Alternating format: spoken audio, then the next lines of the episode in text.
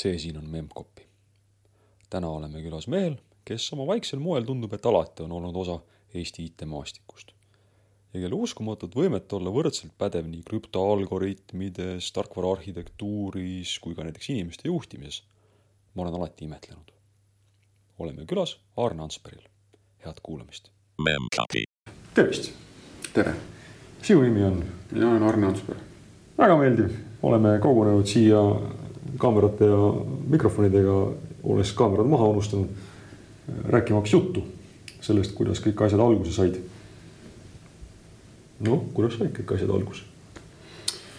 Äh, no minu jaoks said asjad alguse sellest, et äh, kui ma põhikooli lõpetasin, siis minu matemaatikaõpetaja arvas, et äh, ma peaksin minema Nõkku edasi õppima ja suutis mu vanemaid ära veenda, et see on suurepärane mõte ja Tõ- siis ma sinna läksingi. aga kust, kus see kõik oli, kus sa selle põhikooli lõpetasid?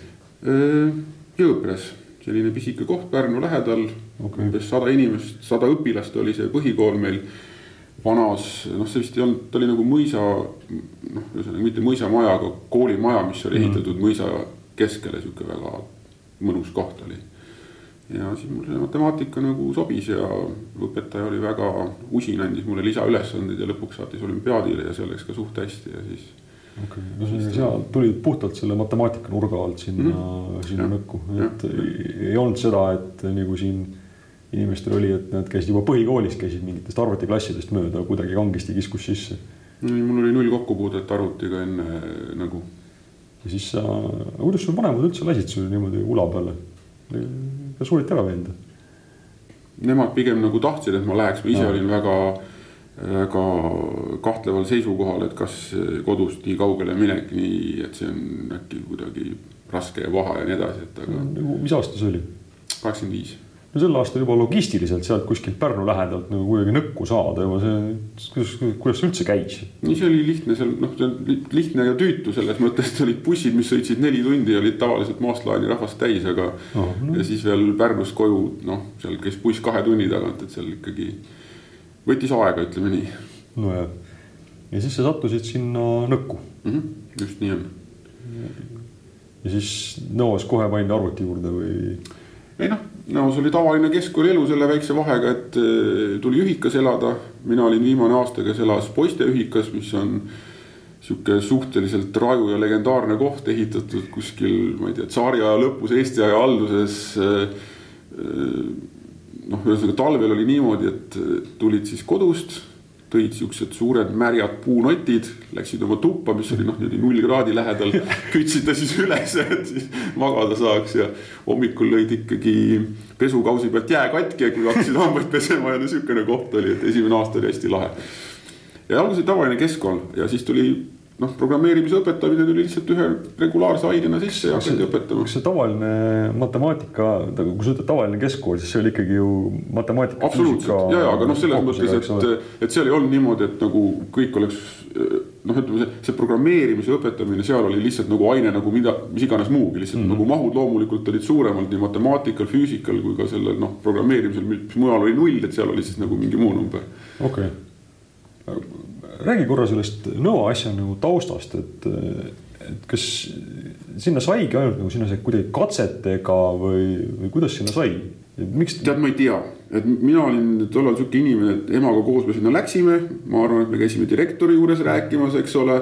et kuna mul olid tegelikult olümpiaadilt oli mingisugune koht ette näidata ja siis kuidagi ma, ma ausalt öeldes ei tea, kuidas sinna sisse sai, mina sinna igatahes sisse sain, et kas seal oli mingi konkurss või mingi muu süsteem, et jah tundub, et see oli mingisugune, kes see direktor seal oli, sest see oli, tundub, et nagu ühe mehe show. Minu meelest oli see tol, Enn Liba oli minu meelest tol hetkel direktor, võib-olla mäletan vale, tundub, et, et keegi on, keegi entusiast on, oli suuteline sihukese asja nagu kuskil nõkku püsti panema. ei, seda ei, ma pean tunnistama, et ma ei, ei oska kommenteerida, mitme mehe show see seal oli või kuidas seal seda ajalugu, et noh, tollal nagu oluliselt muudest asjadest huvitusin.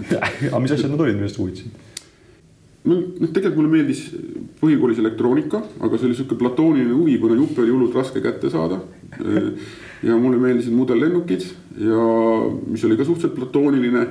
et äh, aga Nõos tuli see programmeerimine tegelikult tuli hästi kiiresti peale, et nagu noh, kui hakkasime seal õppima, et äh, noh kuulasin sinu vanaseid podcast'e ka, et noh, Tarvi ka natuke seda puudutas, et oli seal suur Vene mainframe, Nairi kolm mhm. üks minu meelest oli selle nimi või kolm M või mis iganes. kus olid keeled kõps ja rops, eks ole, eesti keeles programmeerisid. et eh, need olid nagu vahvad. Eh, siis olid need agatid, mille ligi suht ruttu sai, mis olid teistmoodi vahvad, kus sai nagu seda noh, mingit valmis tarkvara ka kasutada, et ikkagi noh, mingite mängude mängimine oli oluline ja mm., ja siis ise mingite asjade proovimine ja see nagu hakkas väga kiiresti nagu meeldima. oskad sa takkajärgi kuidagi reflekteerida, et mis sul seal nagu meeldima hakkas, et? väga ei oska ausalt öeldes, selles mõttes, et ma üritasin nagu mõelda, et mis ma, mis ma siis nagu tegin nende arvutitega toona, eks ole. mul on umbes nagu kaks asja meeles, mida ma Katiga tegin et üks oli see, et esimene programm oli umbes see, mis oli Ford tsükkel, muutis värvi ja trükkis mingi teksti. Noh, nagu tere, ütleme. kõigis keeltes ja siis vilkuva taustaga ka, no sellega sai vähemalt üks õhtu, kui mitte kauem möllatud, eks ole. et Mäletan, nagu tegin. timmitud neid efekte ja tekste ja asju, eks ole. ja siis teine asi, mis mul on meeles oli, et ma üritasin ühte Nintendo mängu, vaat need pisikesed puldimängud mm, -hmm. mis olid nagu taasluua, noh ma, ma lõin, taaslõingi, eks ole ja seal oli noh, nagu need on, eks ole, seal oli mingi fikseeritud arv positsioone, mingi tegelane liikus, mingid teised tegelased liikusid ja siis olid mingid noh, mingid surmasaamised ja mingid boonuste saamised, noh, kõik. ja siis nagu probleem oli selles, et ma ei teadnud tollal, mis asi on massiiv Oh. et nagu põhimõtteliselt oli niimoodi, et, et iga selle objekti jaoks oli mul muuter, mis ütles, et noh, kas see objekt on või ei ole, eks ole. ja kui seal mingid asjad liikusid, siis mul oli nagu noh, lehekülgede kaupa oli tihvlauseid, et kui see muuter omab seda väärtust, siis järgmisel sammul ta omab teist väärtust, eks ole ja noh, refaktoreerimistööriistu ei olnud, et kui ma kuskil vea tegin, siis ma nägin nagu päevade kaupa vaeva, et ma nimetasin neid oma muutujaid ja if-lauseid ümber. väga huvitav, sest tol ajal tundus olevatki mingisugune niisugune õpetamise metoodika, näiteks meil oli Ford tsükkel niisugune asi, millest meil ei räägitud tükk aega. meil räägiti hästi ruttu ja sellega aga ometigi nagu näiteks noh, massiiv kõlab nagu, nagu lihtsalt tavaline andmestruktuur, eks ole, millegipärast nagu see, jäi nagu hilja peale. Äh, ütleme nii, et seda, seda agatti ei õpetanud meile keegi, et õpetati kõpsi ja ropsi, kõik, mis agati peal sai tehtud, see oli nagu puhas nagu enda välja võidetud, võideldud nagu arvutiaeg ja enda entusiasm ja seal noh ma isegi ei mäleta, seal by example käis see asi vist, et vaatasid, mida keegi teine oli teinud, ega seal mina küll ei mäleta, et ma oleks ühtegi nagu Agati või Basicu käi, kohta käivat raamatut nagu lugenud kunagi, et see oli kõik nagu lihtsalt nagu Folkloor. katsetamise ja, ja, ja, ja kõlakate tasemel, eks ole, et. et oleks võib-olla keegi lekitanud selle info, et massiivid on olemas, et ma ilmselt oleks selle Nintendo mänguga palju rutem valmis saanud. siis see oli nagu jõhker töö, et pidi ikkagi see. no aega oli palju, et selles mõttes, et segavaid faktoreid oli vähe, eks ole, et. ja, aga ikkagi, et, et see, et sa nagu ära ei tüdinenud sellest no ilmselt siis meeldis nagu, nagu välja tuleb, et see oli jah, see oli nagu jah, arvuti alistamine ja siis Agatis ma, ma, mäletan seda kindlasti, et ma ma hankisin endale selle assembleri nii-öelda manuali, noh, mis oli põhimõtteliselt nagu paar-kolm ruudulist lehte, kuhu ma siis kirjutasin tähtsamad käsud ja registrid ja värgid ülesse ja siis ma studeerisin. ja ma tean, et ma ikkagi nagu tuuseldasin seal nii-öelda Agati seal assembleri poole peal ringi aga mida ma tegin, seda ma kindlasti ei mäleta. mäletan olulisemaid registreid, mille näppides käis piiks ja, ja kus sai lugeda mingit vist klaviatuuri sümboleid ja midagi sellist, aga noh, that's it basically. jah, mina ka isegi assembly eh, sügavusse ei jõudnud, see oli ikkagi päris advanced asi. kuidas seal see üldine tase oli seal näos? Seal oli kõik sinusugused koos, et äh, niisugused. mis seal oli äh, täiesti, seal, seal oli, seal oli nagu selliseid inimesi, kes olid üle vabariigi kokku tulnud, kellel olid nagu mingid huvid ja eeldused niisuguste reaalainetega tegelemistega, seal oli ka noh, lähikau-, lähikonna, eks ole, mhm. inimesi, et see ei olnud nagu päris nagu niisugune geto kuskil, eks ole, et see oli ikkagi nagu natukene spetsialiseeritud kohalik kool, et seal oli igasuguseid inimesi, jah ja. Ehm, kas seal mingisugust nagu äritegemist ka juba nagu käis, et kuskil kaheksakümnendate teine mina küll ei mäleta. keegi on raha eest programmi kirjutanud või midagi niisugust. võib-olla keegi tegi, aga ma, ma, ma julgeks öelda, et ma isegi ei huvitunud sellest ja ma ei tea sellest midagi, et. Tartu vahet ka käisite ülikoolis? ja mingil hetkel, ma nüüd ei mäleta enam, mis klassis, aga, aga siis ma sain teada, et Tartu Ülikooli raamatukogus on mingisugune X-teede klass, mingi kaheksa kuni kümme arvutit oli seal kuidagi ma sain sinna juurde, ma ei mäleta, mis alustel sinna seda aega sai reserveerida, igatahes ma tean, et ma, seal ma ikkagi jõlkusin päris mitu õhtut nädalas, eks ole, sa said seal mingisuguse tunni või kahese sloti, mul oli umbes kaks flopit, mille peal ühel oli ühe peal oli turbosii ja teise peal oli siis ma ei tea, tüüpi opsüsteemi oma asjad ja siis, siis midagi ma seal programmeerisin. Aga kust sa said tulla turbosii, see oli ju igavene kurbuse ma ei kujuta ette, kus ma selle saada võisin, kuskilt. Jah, kuidas, kuidas, saab orava poeg puu otsa, eks kuidagi ikka saab. et, et jah, seal, seal, seal ma käisin ka päris, päris tükk aega, et aga seal ma põhiliselt tegelesin ka sellega, et ma mängisin selle turbosiiga, et kas mul mingi eesmärk oli, seda ma ei mäleta. Aga turbosiis oli igatahes. Seal on ikkagi päris paras hüpe on nagu sellest äh, kõpsust ja ropsust ja sinna siini ja, ja mälu ja, ja pointerid ja muu niisugune värk mm.. see, see hüpe tuli puhtalt selle koolihariduse pealt seal? ei, tead. või isikliku kogemuse pealt? jällegi nii kauge aeg, et ma, ma, ma kardan, et meile koolis ma, ma isegi ei mäleta, ma mäletan nagu ütleme seda, mis nagu üheksandas klassis nagu mm. programmeerimist õpetati. aga ma ei mäleta, mis seal edasi sai ausalt öeldes, mida meile seal üldse räägiti või. sest ilmselt see ei puutunud enam asjasse. ise, ise, ise liikus kiiremini edasi. et see natuke oligi see häda, et pärast oli tipis ka see asi esimestel kursustel, et need programmeerimise programmeerimise loengud olid nagu sellised, et nagu sealt nagu ei olnud midagi nagu noh, uut saada, et. et seal olid nagu mingid teised asjad olid pigem nagu need, mis olid uued, aga aga mitte see programmeerimise pool. kuidas sa siis sealt Nõost siis tippi sattusid, mitte Tartusse? oleks ju loogiline, et sa lähed sealt äh, matemaatikasse või kuhugi. ei, see oli ka suht random'iga selles mõttes, et mul nagu noh, mõtlesin, et võib sinna minna, võib tänna minna, ma tõesti need, need argumendid, et miks nagu Tallinnasse proovida, need olid mingid siuksed väga otsitud ja õrnad, eks ole, et miks ma siis sinna Tallinnasse läksin proovima, aga, aga seda ma tegin jah. mida, mida õppima? Äh, LI ma täpselt ei mäleta, kas oli arvutid ja arvutisüsteemid, tõenäoliselt võis olla, aga. see lühend LI jookseb läbi väga mitmest jutust ja keegi ei mäleta, mis see tähendab. mis see täpselt oli. aga ma ei tea, kas need, kas need tähed üldse midagi tähendavad ausalt öeldes. selles mõttes, et L on tõenäoliselt mingi automaatika-teaduskonna kood, eks ole, ja I on mingi muu asja kood, eks ole, et ma ei mäleta, seal oli mingid LA, mis oli rohkem, äkki rohkem automaatika. teisi tähti ei mäleta, äkki on LS ka olemas olnud L-liit, okei okay.. aga L-i oli jah, see, kus mina, kus mina oma aega veetsin. kas ja sa ütlesid, programmeerimine sind väga noh, see ei andnud väga juurde, kas sul üldse midagi õpetati, mis sulle midagi juurde andis, sest noh, sul oli ju mm. korralik matemaatika taust oli all.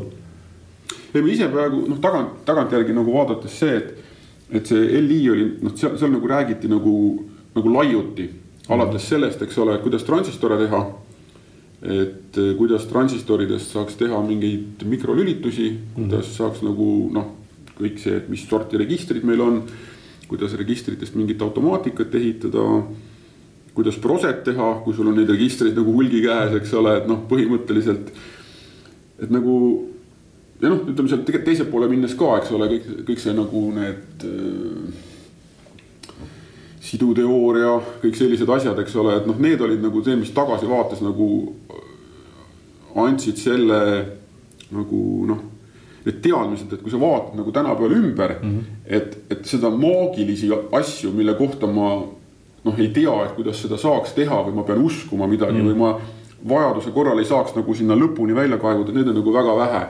ja see, ma arvan, et see on nagu noh, üks asi, mis mina olen leidnud hästi kasulik, eks ole, et noh, tänapäeval neid, neid kihte sinna nii palju juurde tulnud, et vanasti oli ikkagi väga lihtne, eks ole, et et noh, see oli umbes nagu renessansi ajastul, kui üks tüüp, eks ole, suutis nagu kõike mm., mida oli mõtet teada, nagu suutis nagu teada. et noh, siis natukene see, kui, kui mina seal tipis käisin, see aeg hakkas nagu läbi saama, ütleme niimoodi, et tänapäeval ilmselt ei ole võimalik, et sa nagu kõike, mida oleks nagu vaja, mõistlik nagu, oleks nagu kasulik teada arvuti asjadest. juba enne, kui sa, juba enne, kui sa veebiserverini jõuab, on sul, jõuad, on sul umbes neli kihti mingeid no, veebiserverini ütleme niimoodi, et see oli veel okei okay,, aga ma mõtlen just tänapäeval seda, mis nagu riistvara poole peal on juhtunud, eks ole, et, et kus sinna on laotud neid kihte ja neid virtualiseerimisi mm., tasemeid ja ja, ja mida iganes, eks ole, veel juurde, eks ole, ja siis nagu soft'i poolel on ka vastu tuldud, sinna on nüüd neli kihti virtualiseerimist vahele laotud ja ja nii edasi, et noh, see, see on nagu see, kus kipub nagu noh, raskeks minna see järjepidamine. tippi minek oli nagu puhtalt selle siukse noh, nagu loogilise flow'na või oli seal ikkagi mingisugune mõte ka, mis tegema hakkad? ei, mul on, mul on siukest nagu pikaajalisi plaane ausalt öeldes ei olnud, et selles mõttes, et mulle meeldis teha, mulle meeldis nende arvutitega mässata, eks ole, et kas ma mässan Tallinnas või mässan Tartus, eks ole, noh, vahet pole, eks ole, kind mm. of. ja siis, siis ma mässasin nendega Tartus või tfui, Tallinnas et äh, üks nagu üks huvitav nüanss on veel see, et, et umbes seal keskkooli lõpus ma sain isikliku arvuti ka. ja see oli midagi, midagi teistsugust, see oli Atari viissada kakskümmend STF.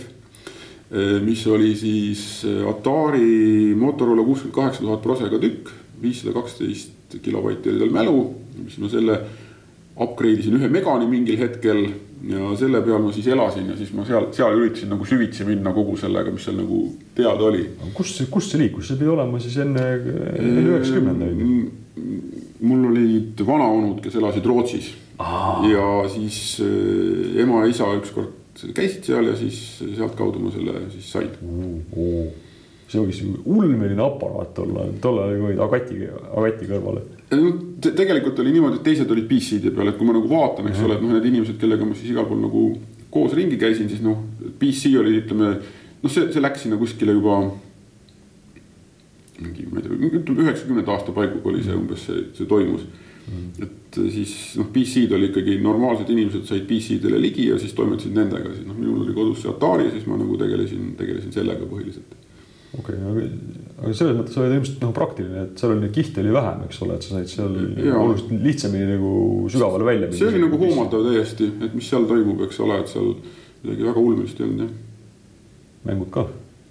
mängud ka jah, natuke mängisin, aga mitte liiga palju, et mul ikka see programmeerimine meeldis kõige rohkem selle asja juures, et siis ma selle Atari peal tegin igasuguseid imelikke asju, siis ma jah ma üritasin, üritasin CAD programmi teha, noh joonestamisprogrammi. et see isegi lõpuks selles mõttes töötas, et seal sai teha ringe ja joone, igast värke ja salvestada ja laadida ja. ja siis mul oli noh, tagasi vaadates jälle hullumeelsus oli see, et mulle nagu kohutavalt tegi muret see, et mälu saab otsa, eks ole. ja kui sa nagu dünaamilist mäluhaldust, eks ole, et siis saab mälu otsa, mis ma siis teen, eks ole, siis ma üritasin seda minimeerida, siis mulle tundus, et et nagu lokaalsed muutujad, mis on stack'is, et need on kõik kuradi ebaefektiivsed, eks ole ja siis see CAD programm oli kirjutatud sajaprotsendiliselt globaalsete muutujate otsa mis oli nagu täiesti hullumeelsus nagu tagasi mõttes, et, et seal tuli ikka kõvasti refaktoreerida, sest ma ikkagi panin täitsa puusse alguses sellega, et see nagu seda lolli ümberkirjutamist oli nii palju ja sealt ma sain selgeks, et okei okay,, nii ma mitte kunagi rohkem enam ei ürita ühtegi asja teha. no ja näe, aga. väga, väga palju vigu sai ka tõesti tehtud nagu aga.... jällegi nagu õppimisprotsess, eks ole mm,. absoluutselt. kus, kus sulle seda siis koolis keegi õpetas, et noh, see võib rääkida, et nagu globaalne muutuja on paha, aga kui sa ikka oled oma, oma käe peal kogenud. ei no sa pead ise jah, või noh, ütleme nii, nii, nii, nii võimekaid inimesi, kes nagu teiste vigadest kogu aeg õpivad, et neid vist väga palju ei ole, ikka enamus kipub oma vigadest nagu seda tegema. ja kas sul seal teistsuguseid, teisi omasuguseid ka oli seal, kui sa tippi jõudsid? või noh, selles mõttes, et tihtipeale seal, kui tippi inimesed jõuavad, siis nad maabuvad mingisuguste mm mingitesse laboritesse või, või mingitesse arvutiklassidesse teiste omasuguste juurde. meil oli hästi lahe kursus, aga mul tegelikult oli niimoodi, et noh, ütleme seal tipi alguses ma ikkagi nagu õppisin, eks ole mm, -hmm. mis sest, et seal programmeerimise vallas mul ei olnud nagu noh, ei olnud väga huvitav, et siis ma tegelesin selle oma, oma värkidega, eks ole, aga. aga need muid, need muid, muud ained, neid ma ikkagi kohus, ma olin ikka nagu väga usin õppur kogu aeg olnud, eks ole, ma ikkagi õppisin korralikult. ja mul juhtus sihuke asi, et mind Tarvi kutsus ühel hetkel EKTAKosse, ma arvan, et see võis olla üheksakümmend üks aasta. Martens mm, -hmm. jah. ja, ja siis noh, see oli nagu see, see, see, see community, eks ole, kus ma siis hakkasin nagu mingite inimestega koos olema. ja, ja noh, see, see oli, see oli ka ütleme siis nagu töise karjääri algus, et ma arvan, et see võis olla, see võis olla üheksakümmend üks, aga ma nüüd sada protsenti kindel mm -hmm. ei ole ka, et mingi kolmas kursus äkki umbes midagi taolist. aga kolmandal kursusel, see oli üsna hilja juba ju. ja ma esimesed noh, noh tegelikult ongi see, et et, et see programmeerimise õppimine, üldse see arvutiasjanduse õppimine, see võtab ikkagi aega. et ma tagasi vaadates noh, mõtlen, et mis ma siis nagu tookord oskasin või, või kuidas ma nagu mõtlesin, eks ole, või. või kuivõrd hästi ma siis programmeerisin, ma ütleks, et ega palju varem ei ole nagu noh, mõistlik seda tööd üritada teha. et see võib kas frustratsiooni tekitada või siis nagu noh, et mina arvan, et ikkagi noh mis mul oli, ma arvan, et umbes viis aastat ma nagu olin nagu noh, niimoodi innustunult selle asjaga tegelenud mm. -hmm. ma arvan, et siis, kui ma sinna tööle sain, et siis ma olin ka noh, enam-vähem nagu siuksel miinimumtasemel, et kust oleks nagu mõistlik, et mm. -hmm. et keegi annab sulle ülesandeid, millel on ka mingi tähtsus ja tähendus ja sa teed nad nagu ära, eks ole, ja, ja, jah mm aga ühtegi niisugust noh, inimesed on rääkinud siin, et lihtsalt selleks, et arvuti aega saada tekkis mingisugune arvutiklassi admini koht või? ei, ei, ma ei, mul ei olnud midagi taolist, et ma jah, ütleme see. natuke tõesti mälu võib-olla petab, et mis aastal mul see Atari sinna täpselt mm -hmm. tekkis, aga mul kuidagi oli alati mingisugune võimalus olemas, nii palju kui mul teda tarvis mm -hmm. oli ja siis ma sellega toimetasin. sellest, sellest piisas sulle? oskad sa mõnda näidet tuua, mis sa seal alguses programmeerisid, noh, mis, mis tüüpi ülesanded need olid, lihtsalt puhtalt sellepärast, et võrreldes tolle ajaga see, mida teeb keskmine programmeerija, on ikka. sa mõtled nagu Ectacus töö? aa, okei. Ehm, minu esimene projekt oli sihukene, kus äh, noh, Hektak oli niisugune, niisugune firma, kus tehti riistvara ja tarkvara, et ta mm. tegi tööstuskontrollereid, automatiseeris tehaseid, eks ole. ja, ja riistvara, noh, seal olid need SART-süsteemid, eks ole mm., seal on väiksed mikroprotsessorid, neid on vaja programmeerida. ja need programmaatorid olid kallid ja siis Hektak hakkas tegema oma programmaatorit mm. -hmm. põhimõtteliselt mingisugune lisaseade ja PC-le, millega sa saad neid kivisid äh, kõrvetada mm. -hmm. ja siis üks teine tüüp, kes oli nagu riistvara poole peal, noh, ma ma, ma ei tea, aga ma arvan, et ta oli umbes nagu mina, umbes siukse eh, nagu värskelt nagu laekunud staatuses siukene. tema tegi riistvara, mina tegin siis soft'i sellele ja see oli nagu selles mõttes nagu päris huvitav, et. me töötasime siis, meil oli PC AT platvorm, eks ole, seal oli isa siin. ja noh, ütleme, et selle arvuti me süstemaatiliselt kogu aeg ajasime ikka täiesti lukku. nii, ja selleks, et saaks nagu mingit sotti, siis meil oli seal sihuke äge asi nagu loogika-analüsaator. loogika-analüsaator on siukene noh kui ossillograafiga mm -hmm. saad visualiseerida, eks ole, mingit analoogsignaali, siis loogika-analüsaator põhimõtteliselt seal on nagu palju-palju pisikesi klemme, mis sa paned kuskile prose või mingi digitaalsignaalide külge, eks ole, sul on teine arvuti mis nagu visualiseerib, et kuidas need signaalimustrid on ja siis sa saad panna sinna trigger eid. Et kui mul tekib sihuke muster, et siis salvesta ja taasesita. ehk et kui me ajasime selle, selle PC nagu täiesti nagu hulluks siis me saime sealt loogika-analüsaatori pealt pärast vaadata, eks ole, mis siis juhtus, et mis me valesti tegime.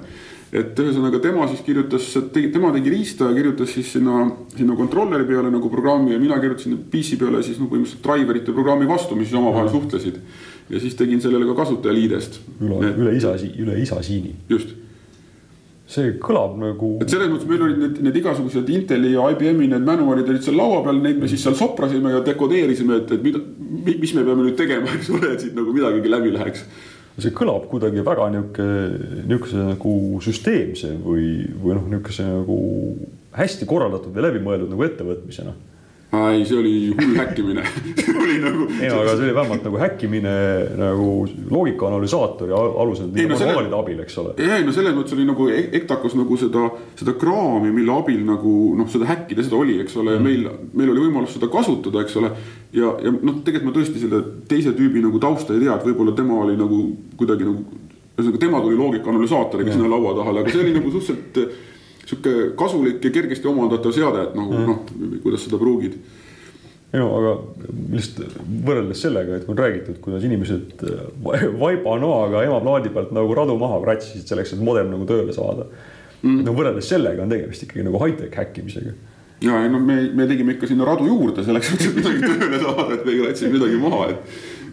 et mina ise seda riista poolt tollal ei puutunud, et mul nagu noh, ehkki meil noh, see Ektakus oli ikkagi see, et noh, programmeerija töövahendite hulgas oli kindlasti tinnutuskolb, selles mõttes, et nagu see nii, nii raualähedane oli seal see enamus sellest elust. aga saite tööle ka selle kopatusega? ja loomulikult jah, jah. ja siis sellega seoses muidugi, kuna noh, see oli veel see aeg, eks ole, et, et see Portlandi toodang igasugused turboplaahid, mis neil mm. olid, eks ole, need olid nagu sellised, see oli nagu standard, eks ole. niis, piis niis jah. ja, ja siis, siis, siis loomulikult sai kirjutatud, kirjutatud oma akendussüsteem, mis nägi välja nagu see Portlandi Turbovision, aga oli hoopis parem ja teistmoodi tehtud. ja see ka töötas väga kenasti. milles see väljendus, et ta parem oli? ta oli nagu ägedamini struktureeritud ah,, et siis mulle hakkas juba C meeldima, siis ta oli hullult objektorienteeritud.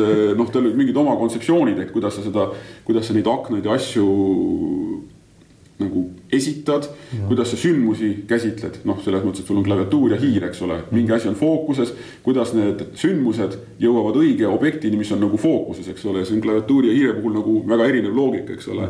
Ja kõik see nagu selliseks loogiliseks kompotiks keerata, et sinna on nagu lihtne neid rakendusi teha noh, seal tükil oligi umbes üks nagu programm, mis seda ägedat raamistikku kasutas, eks ole, see oli seesama programmaatori kasutajaliides, aga, aga noh selles mõttes oli Ektaco väga tore, et nagu noh, need tööülesanded olid noh, siuksed, et nad ei olnud väga piiravad, et nagu mm.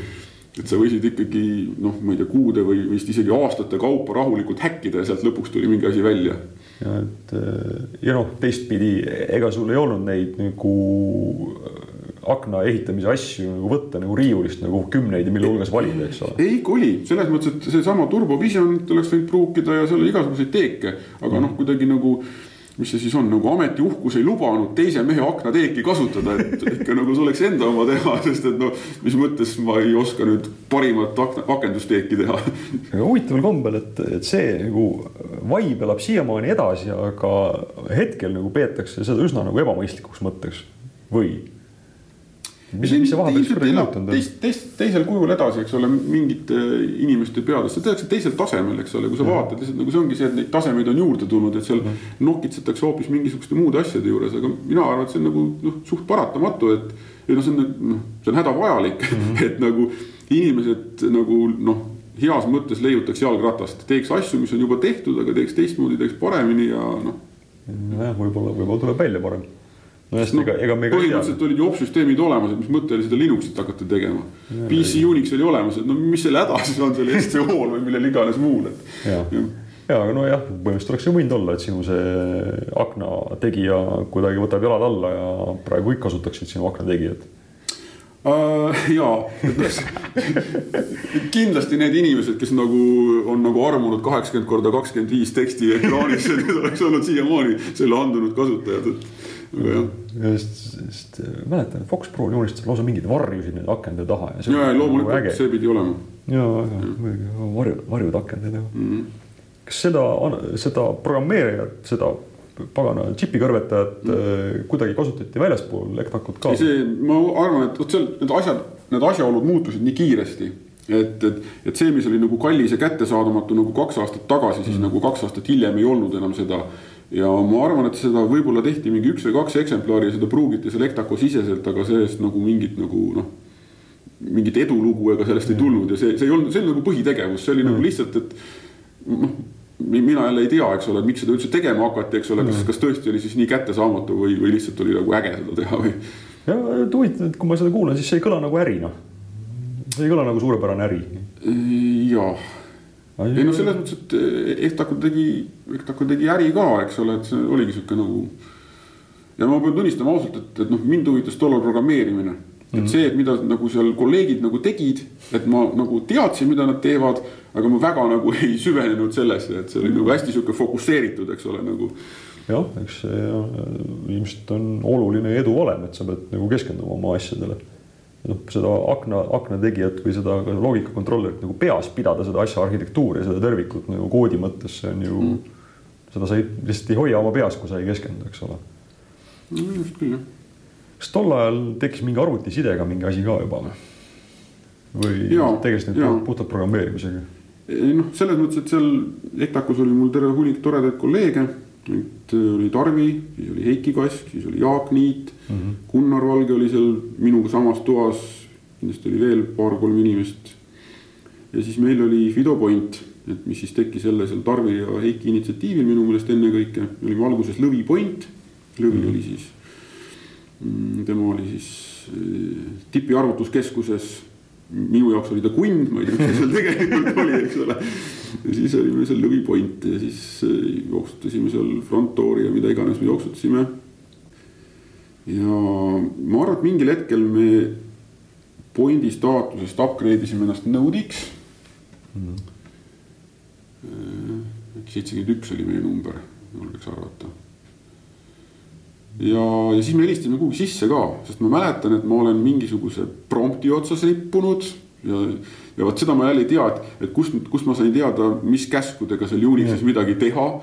ja kuidas mingi binaarne fail ära UU encode ida selleks, et ma saaks seda üle terminali endale tumpida, selle tumbi salvestada ja oma masinas decode ida ja mingi tsipi sealt kätte saada. kuidagi ma teadsin seda, et, et, et kuidagi ma mingisuguseid asju imesin, aga, aga see on nagu jälle niimoodi, et mingid asjad olid nagu õhus nagu mingisugused hallitusseene eosed olid laiali, eks ole. kuidagi pinnase sai, nii kohe läks kasvama kohe läks kasvama jah, et see oli ainuke mälestus muuseas jah. ja just reflekteerida seda, seda vahet, et, et, et kui kõrge barjäär oli selleks, et saada mingisugune asi kätte sa, sul pidi kõigepealt see hallitusseen saabuma mm. ja siis sa pidid selle kuidagi otsa kätte saama ja siis sa pidid need nagu käsud saama ja siis sa pidid saama selle sipi kätte ja siis sa võib-olla said Day of the Tentacle'i mängida. jaa ei no vot, et seal noh, tegelikult ma arvan, et kõige keerulisem ilmselt, et see info ikkagi liikus selles mõttes, et see, ma arvan, et see ei olnud probleem, et, et küsimus oli ikkagi ennekõike riistvaras ja ja, ja Access'is ja sihukestes telefoniliinides sihukeses kraamis, et noh, modemid olid ju roppkallid asjad, eks ole, arvutid olid, kõik oli roppkallis, eks ole, nagu välja arvatud aeg vist, et nagu. ja siis noh, seal töö juures õnneks meil mingid modemid olid, mitte küll kõige härjemad, eks ole, et see oli ma usun, et meil oli mingi kaks tuhat nelisada ja MNP viis veaparandus oli see meie lagi seal alguses, millega me siis nagu seal toimetasime, aga noh, flop'ide peal liikus kõik olulised asjad liikusid ikka flop'i peale, seda ei viitsinud, ei jaksanud keegi ära tõmmata, et tõmmati mingeid pisikeseid nullakaid.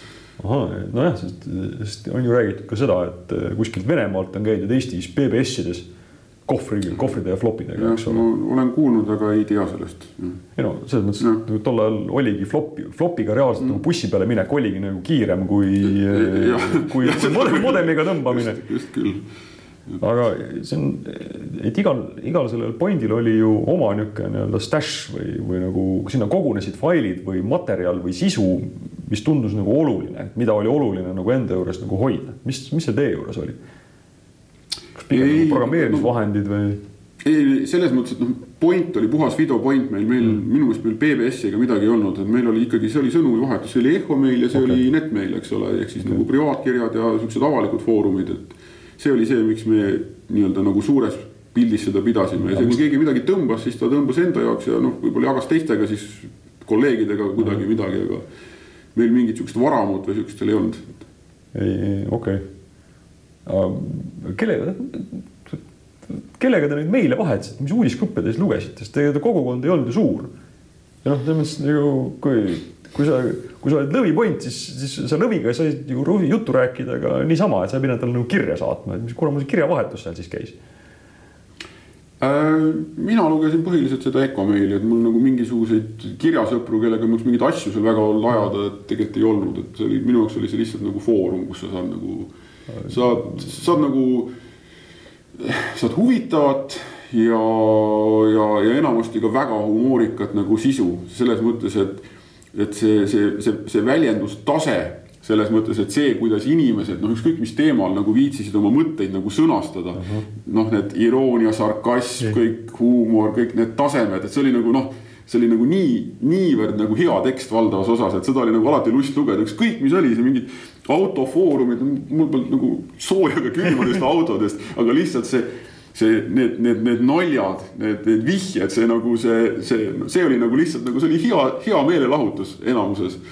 Aga noh, muidugi seal olid ka programmeerimised ja riistvara ja kõik muud teemad ka, eks ole, see oli nagu kasulik ja, ja naljakas. ja siis aga noh, lihtsalt skaalal nagu Tolkienist üle autode nagu C pluss plussini. no kõik, absoluutselt, no kogu elu oli seal minu meelest. ja sa, ja sa lugesid kõike seda lihtsalt läbi? seda polnud palju inimesi oli vähe, ega palju sa ikka seda head kvaliteetset sisu suudad toota, et seda seda, seda oli vähe tegelikult, mis seal nagu liikus minu meelest. ühesõnaga, et põhimõtteliselt nagu praeguses mõistes oli täiesti nagu võimalik pidada silma peal kogu sisuloomel no selles, mis videos oli jah, eks ja. ole, et seal kuskil paralleelselt hakkasid arenema mingid newsgrupid, eks ole, ka Eesti omad, millega mina alguses eriti ei, ma ei, ei, ei puutunud nendega kokku, eks mm -hmm. ole, et see, see oli natukene sihuke teine seltskond minu meelest, kes nii-öelda seal siis see... internetimaailmas hakkas nagu toimetama. selles Fidos olid ju ka mingid uudisgrupid ja mingid asjad. oligi, Ecomail jah. No see oligi Ecomail mm, -hmm. siis on teine asi kui interneti uudisgrupp. seal mingit sild, silda vahele ei olnud, kas see loogika oli sama või? Äh, noh, nii ja naa, et selles mõttes, et kontseptsiooni mõttes olid samad, aga seal olid mingid ebamugavad erisused. et kunagi, kunagi hiljem, siis kui ma EKTAK-ust Küberisse, Küberneetika Instituuti läksin siis ma, siis ma tegin oma Node'i äh, Solarise peale, meil oli seal üks Spargi server ja siis ma ajasin seal peal käima kogu selle Fidosofti, üks venelane oli kirjutanud. ja siis ma tegin News'i gateway, mis nagu äh, Fido Ecomaili newsgruppideks gate'is kahesuunaliselt. Ja siis ühtlasi ka seda netmaili siis tavaliseks mailiks gate'is ja see oli päris popp, ma isegi ei mäleta, millal see maha sai võetud, et ma arvan, et seal juhtus see asi, et sellele Solarisel oli lõpuks, oli vaja sellele korralik upgrade teha. Ja siis ma ei viitsinud vist enam see, ise enam väga ei, noh, see polnud enam see Fido oli nagu ära surnud selleks hetkeks, et siis ma tõmbasin ta maha. aga mingil ajal oli hästi popp, et mul oli seal, ma arvan, ikkagi sadu, sadu kliente oli oma personaalse account'iga seal minu Newsi serveri küljes, kellel oli siis nii-öelda kirjutamisõigus Fido gruppidesse, et seal Fidos oli nagu see. Fidos oli see korrapidamine nagu olulisem, eks ole, et seal nagu noh ei olnud nagu sellist anonüümset kasutust, et, et, et keegi vastutas alati kellegi eest, eks ole, keegi sai kuskilt kaudu access'i. ja kui keegi oli nagu nõme, siis noh, see access võeti talt ära, eks ole, noh, selles mõttes, et kui ma hakkasin seda asja news'i gate ima, siis noh, ma lubasin sedasama teha, eks ole, et, et ma ei andnud kellelegi Fido gruppidele nagu kirjutamisõigust, kui ma ei teadnud, kes ta on ja ma ei saanud seda access'i talt ära võtta, eks ole. aga see on ju väga niisugune autoritaarne, ütleks no nagu see toimis, noh, selles mõttes, et see oli nagu oma, oma nagu endale olulise keskkonna nagu normaalsena hoidmise eeldus, eks ole, et noh no, teistmoodi ei saa, et. mis on, mis on nõme? mis on nõme, noh. no solvad teisi inimesi, noh.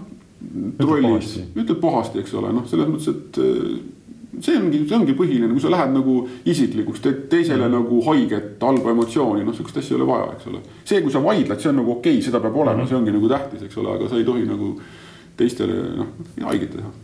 no kõlab nagu väga niisugune kuidagi lihtne ja samas elutõrve ja samas nagu põhiline ja fundamentaalne definitsioon, mis on nõmed mm. -hmm. väga, väga hästi kui sa ütled, et sa tulid sealt Tektakust, läksid Küberneetika Instituuti, kas sa mm -hmm. pead silmas nagu läks, sa läksid tööle Küberneetika Instituuti mm või sa läksid õppima? ei, tööle. et mu õppimised olid selleks hetkeks õpitud või noh, mitte päris lõpuni õpitud, aga ma olin nagu oma, oma inseneri, inseneridiplomi kätte saanud vist üheksakümmend, ma ei tea, kuidas ta tuleb, üheksakümmend kolm, üheksakümmend kaks siis sain oma, oma kraadi sealt kätte. ja see on see tänapäeva siis magistrikraadi ekvivalent? ei, magistrikraadiks ma upgrade isin natuke hiljem, et alguses noh, seal oli noh, mina õppisin viis aastat mm, -hmm. sain süsteemiinseneri diplomi, aga pärast hakati nagu kogu seda kraadivärki järjest lahjendama, eks mm -hmm. ole, et kui need õppeaastad järjest lühenesid, siis noh, by default ma vist olin bakalaureus, aga siis ma pidin veel natukene juurde õppima ja tegema magistritöö, et ma saaks magistriks see oli kunagi seal kahe tuhande esimesel aastal umbes, kui ma seda siis ette võtsin.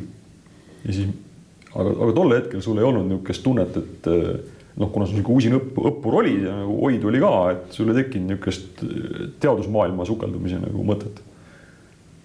ei, ma ausalt öeldes seal tipis nagu teadusmaailmaga kokku, noh, ma, kuna ma seal poole pealt hakkasin nagu tööd tegema, eks ole mm, -hmm. programmeerima, eks ole, siis see, see nagu haaras nagu enam-vähem täielikult, et see ma arvan, et seal lõpp, lõpus läks ka see õppimine natukene nigelamaks selles mõttes, et nagu töö juures oli palju huvitavam ja palju nagu väljakutseid pakkuvam, eks ole et seal viimased asjad, mis seal EKTAKos sai tehtud, oli kontrolleritele uue sideprotokolli disainimine. siis ma olin nagu hullult vaimustatud TCP IP-st, siis ma trükkisin välja kõik standardid, mis ma sain TCP, IP, Etherneti ja siis ma, noh, seal kontrollerid olid mingid kaheksakümmend, viiskümmend üks peal, eks ole, mis on umbes mm. nagu nagu väga väike.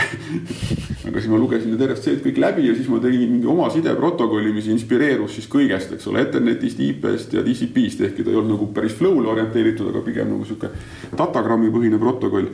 et siuksed vanad riistvara ässad Ektakos olid väga, väga nördinud ja solvunud, et mis mõttes ma kirjutan protokolli, mis ei ole nagu deterministlik, et see ei ole nagu mitte master slave, vaid igaüks võib traadi peal lamiseda, kui kui nagu mõte pähe tuleb ja, ja siis lahendatakse konfliktid ära ja tehakse nagu retransmissioon, eks ole, nad olid väga pahased minu, minu nagu, minu nagu katsetuste peale, aga ma arvan, et ma ikkagi programmeerisin selle lõpuks sinna ära ja ta mingil määral töötas ka. et aga see oli jah, sihuke, sihuke äge. ühesõnaga, aga mille vahel see siis käis, see protokoll? põhimõtteliselt oli see, et PC, mis siis nagu juhtis neid tööstusarvuteid aa, ühesõnaga tööstusseadmete vahel. ja, jah, seal olid need, neil oli sihuke karpine nimi oli satelliit, mis oli mm -hmm. siis nagu tööstuskontroller, mis mm -hmm. olid igasugused digi, analoogsisendid, väljundid, eks ole. mis siis kuskil tehases keeras mingit nuppu, et ma ei tea, betooni teha või mm. -hmm. ja siis sellel olid mingid juhtprogrammid ja neid tuli nagu konfida, sealt tuli nagu noh, tüüpiline värk, eks ole, sa pead teadma, mis sul tehases toimub, eks ole. siis sa pead nagu käske andma, eks ole, selleks on mingit võrku vaja ja noh, neid satelliidikontrollerid võis seal korralikus tehas ikka palju olla. Okay.. ja siis ta tuli PC sisse kokku tõmmata ja ma usun, et keegi kirjutas siis mingit soft'i sinna PC poolele, mis siis nagu neid neid satelliite siis jälgis ja juhtis. ja see oli nagu päriselt production'is kasutusel, et ja, Eesti Vabariigis ehitati betooni niisuguste seadmetega. ma, ma arvan, et, ma arvan, et, et üks Paliver ehitusmaterjalide tehas vist oli see, mis oli ära automatiseeritud EKTAK-o poolt ja ma, ma millegipärast arvan, et midagi oli Tallinna veepuhastusjaamas no aga seda ma väga kindlalt ei tea, aga seal oli veel, et noh, et okay. need, need objekte olid ikka päris. nagu praktiliselt, see, see ei olnud nagu teoreetiline ja, või niisugune. see, mida mina tegin, see oli nagu järgmine generatsioon, et selles okay. mõttes, et, et, et need asjad, need, need juba töötasid mingisuguse muu mm. protokolli, mingi muu tehnika peale, aga kõik see nagu kasvas, eks ole, et siis nagu oli sihuke generatsioon, uue generatsiooni satelliidi väljatöötamise projekt oli see, kus mina siis Äge. protokolli nagu kontributeerisin ja realiseerisin. äge, aga sealt siis mingisugust äh, noh, see, kui sa juba olid niisugune protokolli disainija mees, sind kuskil mingi interneti algsesse maailma mingit kaablit vedama, mingit võrku ehitama ei, ei tõmmanud või noh, sest kui sa protokollist ja sellest võrgundusest nagu nii palju juba teadsid. Ei, mulle meeldis programmeerida, selles mõttes, et mul nagu mind nagu need noh, need muud asjad ma olin, neid ma sain teha nii palju, kui need olid noh, kasulikud, vajalikud selleks, et saaks midagi ägedat programmeerida. ja kübernetikas sai ägedamalt programmeerida Äh, lõpuks jah, et selles mõttes, et no see oli jälle, Tarvi kutsus mind sinna, et äh, kübernetikasse oli tehtud siis äh, infotehnoloogia osakond, mis peitis seda infot, et tegelikult tegeleti selle infoturbega. Ja Aha. siis oli seal mingi riiklik programm, mille eesmärk oli siis Eesti riigi infoturbe ja, ja, ja krüptograafia nagu vajadusi rahuldada. ja, see oli juba see oli enne, kui tekkis AS Küberneetika, eks ole? ja see oli enne seda, see oli üheksakümne, mina läksin üheksakümmend neli, aga see töögrupp, osakond tehti üheksakümmend kolm vist, ma arvan mm. -hmm. ja siis seal oli terve hulk äh, nutikaid inimesi koos, kes siis nagu selle, selle missiooni elluviimisega tegelesid, et nagu kompetentsikeskust ehitada no,. kes selle, kes selle nagu taga oli või keegi pidi ju selle tellimuse nagu formuleerima, et riiklikult on tarvis tegeleda nagu küberneetika või selle krüptoga ja infoturbega ähm,? jaa. sest noh, just värskelt tuli välja uuring, kus ütleb, et inimesi infosekk ei huvita mm. ja ei hakkagi huvitama. aga ometi tol ajal kedagi siis nii palju huvitas, et äh, ta ütles, et äh, ehitage endale osakond ja võtke inimesed tööle, hakake tegema. Ülo Jaaksoo oli siis Küberneetika Instituudi direktor, kes siis nagu noh, minu vaates oli tema see, kes seda noh, kõike lõi ja korraldas, eks ole mm, -hmm. et mhm. kuidas, kuidas, kuidas, kuidas tema nagu, kellega tema läbi rääkis või kus see mandaat oli, seda mm -hmm. mina ei oska küll öelda, aga, aga tema oli jah, kellel see visioon nagu oli, et seda on nagu tarvis. okei okay., selles mõttes kõlab nagu üsna julge visioon, sest võrreldes praeguse hetkega oli tol ajal nagu Eesti riigi nagu vajadus krüpto või sõltuvus nagu krüptost või, või infoturbest oli mm. ikkagi nagu noh, mõõdetamatult väiksem, see pidi ikkagi nagu väga ägedat visiooni olema selleks, et tol hetkel saada aru, et tegemist on strateegiliselt nagu ja pikas perspektiivis. no jaa, aga see ongi teadlaste ja akadeemikute ülesanne nagu kaugemale vaadata, kust mujalt see tulla saab. jah õige, ma just imestan, imetlen seda, seda tollast, tollast visiooni.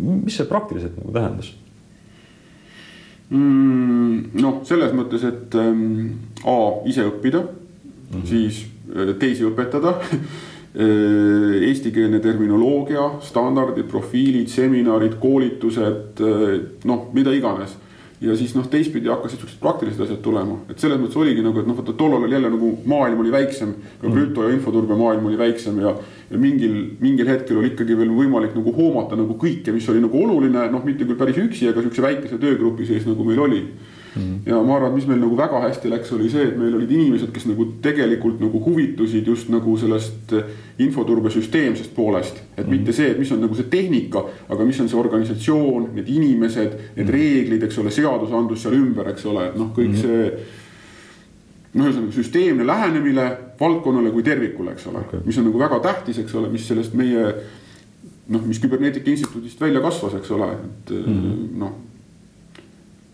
ja, ja, ja teiselt poolt oli see, et meil olid seal nagu siuksed hardcore häkkerid ja, ja hardcore nagu krüptograafid, eks ole, kes nagu olid valmis mida iganes tegema, eks ole, et nagu. et see nagu kuidagi väga hästi nagu see sümbioos oli minu arust hästi lahe, et, et ma arvan, et minu esimene töö nagu Küberneetika Instituudis oli see. et ma pidingi riigiasutustele kirjutama juhendi, kuidas K9Q otsas ehitada endale interneti ruuter.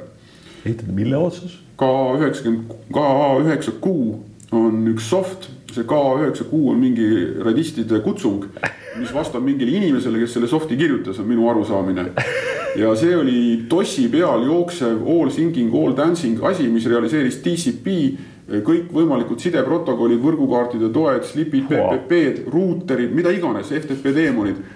Täiesti müstilisi asju on tehtud maailmas. Ja noh, see selles mõttes, et, et, et kui sul oli üks, üks nagu üleliigne PC modem, võrgukaart ja see soft, siis sa said teha endale noh, ruuteri, millega oma organisatsioon kuhugi ära ühendada. ja siis mina peksin selle käima ja kirjutasin eestikeelse lühijuhendi, kuidas seda asja nagu pruukida, hooldada ja nii-öelda käimas hoida. et see oli mu esimene, see oli mu nii-öelda, ma ei tea, praktikandi töö või mis iganes töö seal, seal küberis, eks ole, aga siis hakkasid igasugused, igasugused muud asjad tulema, et äh, äh me olime mingis hästi varases europrojektis, ma mäletan, see võis olla üheksakümmend, viis aastal, ma tean, et ma käisin Darmstadis. Äh, sakslased olid kirjutanud sellise tarkvara nagu Secu-D, mis oli nagu, ma ei kujuta ette, ma pakun mingi kümme mega haljast C-koodi, väga halvasti kirjutatud.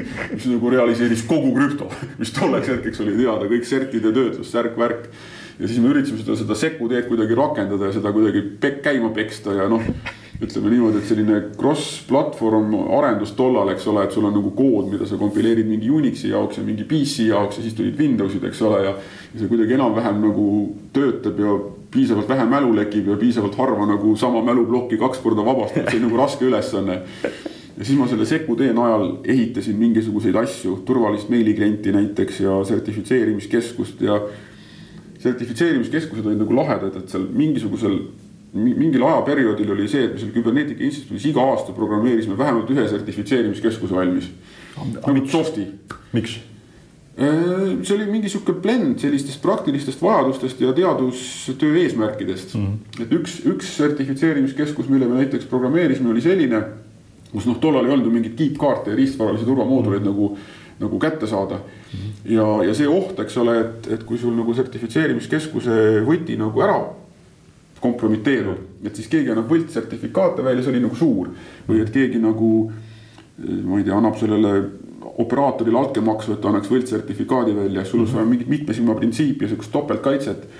ja siis me realiseerisime selle, et me võtsime selle RSA võtmetükkideks, et see on seesama, mida praegu SplitKey ja Smart ID teevad, eks ole, noh, meil ei olnud küll seda turvalist mitmes osas võtme genereerimist, me lihtsalt genereerisime RSA võtme, jagasime ta osakuteks ja siis meil oli sihuke MN-ist skeem et selleks, et nagu sertifikaati välja andma, siis ma ei tea, viiest eh, operaatorist kolm pidid nagu selle allkirja andma ja siis me kombineerisime neist ühe korrektse sertifikaadi kokku. see võti elas nagu kuskil flopi peal või? ja siis oli selle nii-öelda initsialiseerimisprotsessi käigus tekitati viis flopid siis, millega need, need operaatorid ringi oleks pidanud käima, et see oli niisugune selles mõttes oli ta praktiline, et ta meil töötas, et ta tegi täitsa X viissada üheksa sertifikaate korrektseid ja mm -hmm. oli nagu kasutajajuhendiga varustatud ja. ühesõnaga, et sa te tegelesite sellega, et noh, kui ma tõst-, tõstan selle paralleeli, et, et et kui te enne tegelesite sellega, et isa siini peal mingisuguseid asju nagu väga madalal nagu mm. läbi mängida ja valmis ehitada, siis noh, te saate sama, tegite sama nagu krüptoga. hästi niisuguseid põhiolemuses nagu olulisi krüptoprotsesse ja primitiive nagu ehitasite ise praktiliselt läbi protsessini ja, välja. ja, et jah mm., et selles mõttes võib öelda küll, et me hästi-hästi nagu siukse mingis mõttes me tegelesime siukest hästi basic asjadega, no me jõudsime ka rakendusteni välja, eks ole, meil oli ka hästi-hästi praktilisi asju, aga me nagu noh, kontrollisime tegelikult kogu seda pinu ülevalt alla välja. Mm -hmm., noh, et seal ühel hetkel me tegime tulemüüre, mis mm -hmm. oli väga hästi müüv toode Eesti turul, Barrikaad oli selle nimi, mul on siiamaani Barrikaadi T-särk alles. siis me tegime VPN toote, mis oli veel ägedam, et see oli selle VPN-i teine versioon oli igasugustes Eesti riigiasutustes väga-väga pikalt kasutusel ka peale seda, kui selle, selle tugi ametlikult õnnetuseks ära lõppes. ja selle põhieelis oli see, et ta oli nagu, ta oli projekteeritud hästi turvaliseks, keskelt administreeritavaks, eriti töökindlaks mm.. ehk et see, et sul on nagu harukontorid, kus sa ei taha üldse nagu internetti väljapääsu, vaid tahad läbi keskse tulemüüri, mis oli kallis. Neid mm välja juhtides oli meil sinna sisse ehitatud igasugune paralleelsed routing ud üle erinevate kanalite, eks ole, noh, seal tekivad probleemid, eks ole, kui sul on nagu VPN-i tunnel, sul on nagu sisemised aadressid, välimised aadressid, kuidas sa neid äh, nagu majandad niimoodi, et see routing'u info ka seal sise, sisevõrgus nagu korrektselt leviks ja noh, tegelikult ka töötaks see mm, -hmm. et see, et, et kasutajad ei peaks nagu ootama, kuni nende seanss katkisest eh, kanalist tervesse kolib, eks ole mm., vaid see oleks noh, see töötakski lihtsalt, eks ole. ja, ja kogu see administreerimine noh, selles mõttes, et, et meil oli tehtud see tükk, mis võimaldas süsteemi konfiguratsiooni muuta, see oli eraldi, see võis mm. offline'is olla, see suhtles nagu muu maailmaga flop'ide kaugu, see ei olnud võrgus.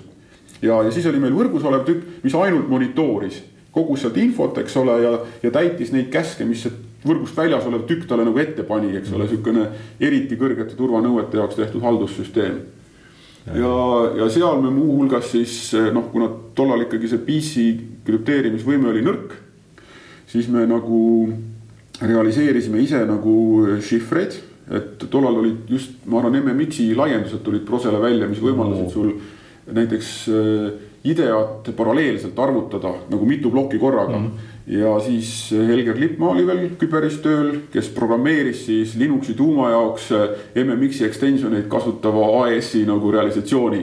et meil olid seal Linuxi tuumas olid oma driver'id, mis seda VPN-i asja haldasid, seal peal olid nagu oma teemonid võtmevahetuseks, konfi levituseks, kõigeks muuks ja siis niimoodi hierarhiliselt üles. see, see, mis sa räägid, see ei kõla enam nagu programmeerimine, see kõlab nagu arhitekti töö ja see on täitsa õige jah, jah. siis sa juba liikusid sellest programmeerija rollist rohkem nagu asjade väljamõtlemise rolli või ei, no mõtlesite mõttes... kambakesi välja neid asju, kuidas see käis mm? -hmm.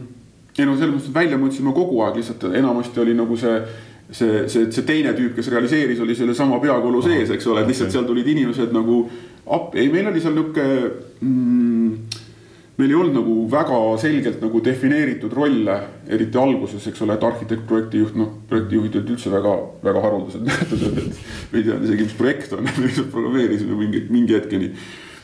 et meil oli seal jah, ikkagi terve hulk inimesi, kes arutasid intensiivselt absoluutselt praktiliselt kõigil teemadel, eks ole, kui asjad olid selged ja siis noh, igaüks natukene läks oma nagu selles valdkonnas nagu süvitsi sellega kui ma mõtlen mingite niisuguste nutikate inimeste peale, kellel võib-olla on nagu ego ka nagu vastav nutikusele, et siis ei tekkinud niisugust olukorda, et keegi oleks öelnud, et kus mina nüüd olen arhitekt ja mina ütlen teile, kuidas asjad, asjad peavad olema ehitatud ja teie programmeerijad programmeerige. Mm, ei, päris nii ei olnud, aga, aga ma ise kardan tagantjärgi, et võib-olla mina ise kippungi olema, kes oma arvamust teistele peale surus, aga ma tol hetkel vist ei tajunud seda kindlasti niimoodi, aga. nojah, ma arvan, et ega teised ka ei tajunud, et sest nagu soft nagu lõpuks nagu töötas, et ju.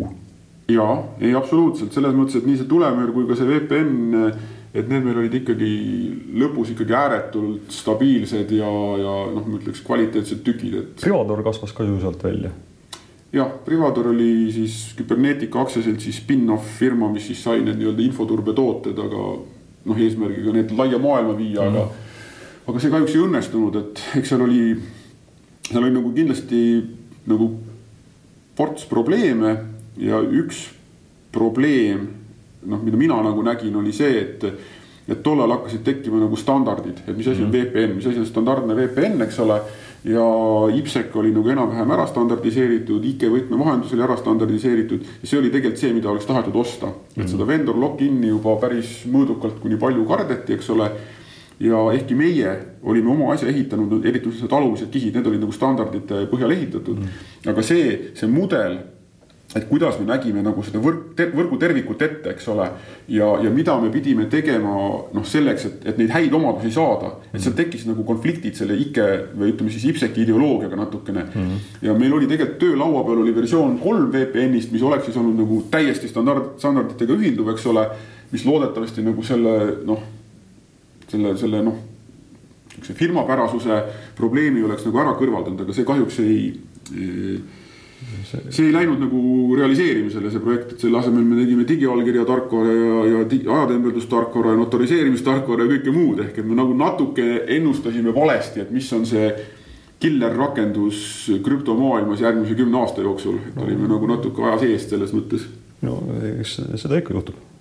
aga noh, jällegi peegeldades tagasi, siis selline lähenemine, kus me võtame mingid äh, olemasolevad standardid ja mõtleme sinna peale mingi täitsa teistsuguse arhitektuuri mm leiutades mingisuguseid siis oma nii-öelda ülemise key standardeid mm. -hmm. see on ju sama asi, mis sai ju digiallkirja konteineriga tehtud, X-teega on sama mm -hmm. lugu, eks ole. et noh. ja absoluutselt, aga noh, vot seal ongi see, et, et nagu standardid on ja peavadki olema tegelikult ju nagu geneerilised, eks ole. Nad peavad olema sellised, et nad lahendavad paljude inimesi paljusid probleeme, et siis ta on nagu elujõuline. Nii, aga, aga kui sa võtad ühe konkreetse riigiasutuse, kellel nagu konkreetsed vajadused, mis ta peab ära lahendama efektiivsel viisil siis sa, siis, siis, siis sa ei saa lihtsalt sellega, et, et sa võtad standarditele vastava tüki ja evi-, noh, see, see ei ole efektiivne mm. -hmm. ja see oli see, mida meie siis tegime, aga noh, seal oligi vaata natukene see, et me noh, võib-olla ei tajunud seda, et kui suur see maailm on ja kui võimas ta on ja kui, kui suure massiga ja kui kiiresti ta liigub, et me mõtlesime, et me teeme ikka rajult ägeda asja. Ja, ja noh, see on nagu vei parem kui see, mida nemad on, vei praktilisem väga suure hulga klientide jaoks, aga vaata see, see, see, see, see, see teadmine, et see on nagu hea ja praktiline et seda on väga raske nagu ühest peast teise viia. jah, aga arvestades, arvestades, et äh, sellest samast pundist tegelikult tuli ju, ju X-tee ja ID-kaardi asi, siis nagu kahest kolm nagu ja. Ei ole üldse mitte paha tulemus. no X-teega on muidugi see, et, et X-tee, X-tee omab selles meie VPN-i tootes väga selgeid nagu juuri, et noh, tegelikult mm. kui me seda X-teed tegime, see oli põhimõtteliselt, ma ei tea, kaks tuhat üks, ma ei tea, mai või juuni hakkas asi pihta või isegi natuke hiljem ja detsembris läks tootesse. Eks ole, nii, et see oli võimalik ainult tänu sellele, et me võtsime oma selle VPN-i toote kui substraadi, et meil oli kõik see olemas, eks ole, kuidas me teeme ühe Linuxi purgi turvaliseks, kuidas me seda Linuxi purgile paneme peale oma tarkvara batch'id, särgid, värgid, kuidas me seda Linuxit conf'ime, kuidas me hoiame conf'i niimoodi, et see on efektiivne, kuidas me conf'i jagame, see kõik oli olemas, eks ole. me lihtsalt selle asja peale ehitasime ühe natukene teistsuguse protokolli vahenduse tüki sinna, eks ole mm et see, jah. sellega, see juba läheb natukene meie sellest ajahorisondist välja. absoluutselt. ja, ja mind ikkagi huvitab sihuke asi, et äh, vot kui mina sinuga kohtusin seal natukene juba väljaspool seda ajahorisonti siis, siis kui oli vaja minna Euroopa Liitu, siis sina ikkagi juhtisid nagu juba nagu teatavas mõttes vägesid. et mina kliendina ikkagi rääkisin sinuga mingitest asjadest ja siis sina tegid, et asjad sündisid. et mis hetkel sul see nagu inimeste juhtimine nagu kampa tuli või kas sa üldse nagu mõtestad seda tegevust niimoodi? No see tuligi see, kui me noh, ütleme selle barrikaadi või, või VPN-i või Privadoori programmeerimise käigus see tekkis, kui meeskond nagu läks suuremaks mm -hmm.. noh, selles mõttes, et eriti selle VPN-i juures ma arvan, et see koordineeriv funktsioon oli ikkagi minu peal, et kes nüüd mida programmeerib, eks ole, mis ajaks. ja noh, tegelikult noh, ega kes see neid asju evitamas käis, ikka meie ise, eks ole, et nagu selles mõttes ka see klientidega suhtlus, eks ole, ja et see noh helpdesk projektijuht, arhitekt, programmeerija, testija, tarneinsener, et see oli nagu sihuke noh, nat-, natukene kõik koos. aga ometigi kuidagi, kuidagi sündis see, et just sinu peale jäi see nagu koordineeriv roll, et kuidas, et miks mitte kellegi teise peale? no sellest pundist siis kõige paremini see mulle sobis või ei oska muud midagi arvata, ega mm mingit nagu sellist mm, noh, keegi pidi selle ära tegema, eks ole, eks ole, ja selles mõttes, et, et kui, kui see olin mina, siis see olin mina, et noh, nii see läks. sellepärast küsin, et sul mingisugust niisugust nagu kihu ei olnud, et, et mm, mm. kuidagi mingeid inimesi koordineerida ei, see, see pigem oli sedapidi, et, et, et ma, ma nagu nägin seda, et, et mis see asi võiks olla, mida me teeme mm. nagu päris detailselt päris paljudes aspektides ja siis ma nagu tahtsin, et see nii läheks ja siis ma olin nagu sunnitud nagu inimestele eh, nagu noh, ma ei tea, ülesandeid mm -hmm. või siis nagu noh, eesmärke püstitama, eks ole, see tuli pigem sedapidi. nojah, et üksinda ei jaksa kõike ära programmeerida. üksinda ei jaksa kõike ära programmeerida, jah, just. okei okay,, aga see on ju selles mõttes arhitekti nagu jälle ka vaatenurk, eks ole, et eh, teatavas mõttes mm. -hmm. ma näen, minu pea sees on olemas nagu täiuslik mudel sellest süsteemist ja siis ma koordineerin niimoodi, et eh, teised, teised saavad selle valmis teha. mis sa praegu teed? väga paljusid erinevaid asju, et äh, ma suhtlen hästi palju klientidega ja potentsiaalsete klientidega, et äh, aru saada, mis on nagu nende, nende mured ja vajadused, kuidas me saame aidata, kuidas me saame neid aidata, eks ole. noh, see on alates müügitööst projekti juhtimiseni ja, ja, ja siis teistpidi ikkagi see, ütleme, see arhitektuurne töö selles mõttes, et, et kui see probleem on nagu arusaadav, et mis oleks see lahendus. ja noh, need probleemid on nagu keerulisemaks ja mastaapsemaks läinud, eks ole. ja, ja, ja mõnes mõttes ka vastutusrikkamaks selles mõttes, et noh, me ikkagi tegutseme nagu suuresti turvavaldkonnas. ja, ja see, see, see, see keskkond on nii palju vaenulikum ja nii palju keerulisem ja, ja need panused on nii palju suuremad, eks ole, et sa pead lihtsalt nagu palju-palju paremaid asju tegema, kui me kunagi nagu tegime, eks ole mm.. ja, ja noh, sedasorti arhitektuurne see mõtlemine ja, ja siis inimestele nende ideede jagamine, nõustamine, mõnes mõttes ka võiks öelda isegi natukene sihuke no. koolitamise moodi asjad, et need on kõik. ma nüüd lõpetuseks, ma tahaks ühe asja ära küsida, et mind, ma ikka tudengitele ikkagi räägin, et see on ikka arhitektile täiesti nagu vältimatult vajalik oskus ja kuna sina oled väga hea ja väga kogenud arhitekt, siis ma küsin sinu käest, et kuidas sina seda teed? et sa oled nii palju, sa oled nii kaua kirjutanud soft'i, eks ju mm. sul on väga selge arusaam sellest tõenäoliselt, et mida on vaja selleks, et nagu soft välja tuleks. et noh, sul on mingisugune meeskond, peab soft'i valmis ehitama. nüüd sul vältimatult tuleb ka ette neid olukordi, kus sa lähed kas kliendi juurde või satud projekti meeskonda, kus sa näed, et see asi ei saa välja tulla mm.. kohe kindlasti läheb nurja. või et noh, midagi on vaja oluliselt nagu teistmoodi teha. kuidas sa selle nagu teadmise kohale viid sellele meeskonnale, ilma et sind nagu ukse taha visatakse ja pärast uuesti tagasi kutsutakse? kuidas sa ütled inimestele, et ei hakka, ei tule välja, tuleb teisiti teha mm.? nojah, et samm üks on see, et sa pead kõigepealt aru saama mm. -hmm. et see võtab tegelikult päris kaua aega ja, ja see on nagu see koht, kus sa tihti suhtled väga vähe et ega see, et lähed nagu kohale, vaatad peale, saad kohe aru, et mis valesti on, kuidas peaks olema, seda ei ole, eks ole mm. -hmm. et kõigepealt sa pead nagu sellest aru saama ja ega, ega see ei ole ju nagu sellepärast, see, see olukord ei ole võib-olla noh, keeruline või halb, sellepärast et noh. et seal ongi, see ongi nagu olemuslikult keeruline värk, eks ole mm, -hmm. ja seal on mingisugused, mingisugused põhjused, keegi on teinud mingeid otsuseid, mingeid probleeme on lahendatud ja selle käigus on tekkinud sihuke asi, eks ole mm, -hmm. sa pead sellest aru saama et sa ei saa nagu lihtsalt minna, oh sorry vanad, et siin on jama, eks ole, et noh, et sa pead kõigepealt aru saama, miks on tehtud, mis, mida on tehtud ja miks on tehtud, eks ole mm. -hmm. Need probleemid endale selgeks tegema ja siis sa tõenäoliselt marineerid nende otsas päris kaua. ja see ei tule niimoodi, et hops, homme hommikuks on valmis, eks ole, sa mhm. mõtled ja kirjutad ja räägid, eks ole. ja ehkki tihti on niimoodi, et kui sa nagu sulle endale võib tunduda lihtsalt, et, et, et lõpuks, kui sa mingit asja hakkad tegema, et noh, see on ju algusest peale selge. aga kui sa lähed nagu kontrollima fakte mm., et mida sa tegelikult rääkisid, mida sa oled ise kirjutanud, mis sa nagu arvasid, siis selgub, et tegelikult see, see, see lõplik lahendus on väga suure kaarega tulnud, eks ole, sinu juurde, sa pead nagu selle lihtsalt välja kannatama ja nagu selle nagu ära tegema. aga, aga point on lõpuks see, et kui sa oled nagu noh, jõudnud mingisuguse asjani, milles sa noh, sa näed, et see ongi nagu okei okay,, eks ole, ja ta lahendab ära selle probleemi ja selle probleemi ja selle probleemi võib-olla see lahendus on keeruline ja, ja on, on kulukas nagu realiseerida ja, ja on isegi riskantne, aga ta on nagu õige, ta on nagu olemuslikult õige, et sa nagu mm., nagu saad aru, et mis see probleem olemuslikult on. kuidas seda asja nagu tükeldada, kuidas seda keerukust peita, kuidas seda asja üldistada, eks ole.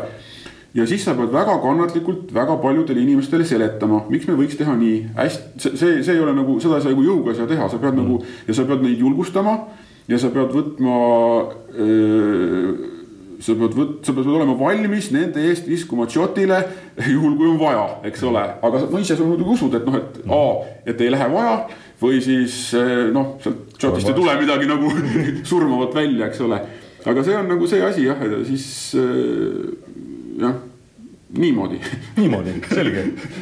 Selge, no jah, kui niimoodi, siis niimoodi, aga sellega tõmbaks nüüd joone alla. aitäh sulle. aitäh, oli väga kena.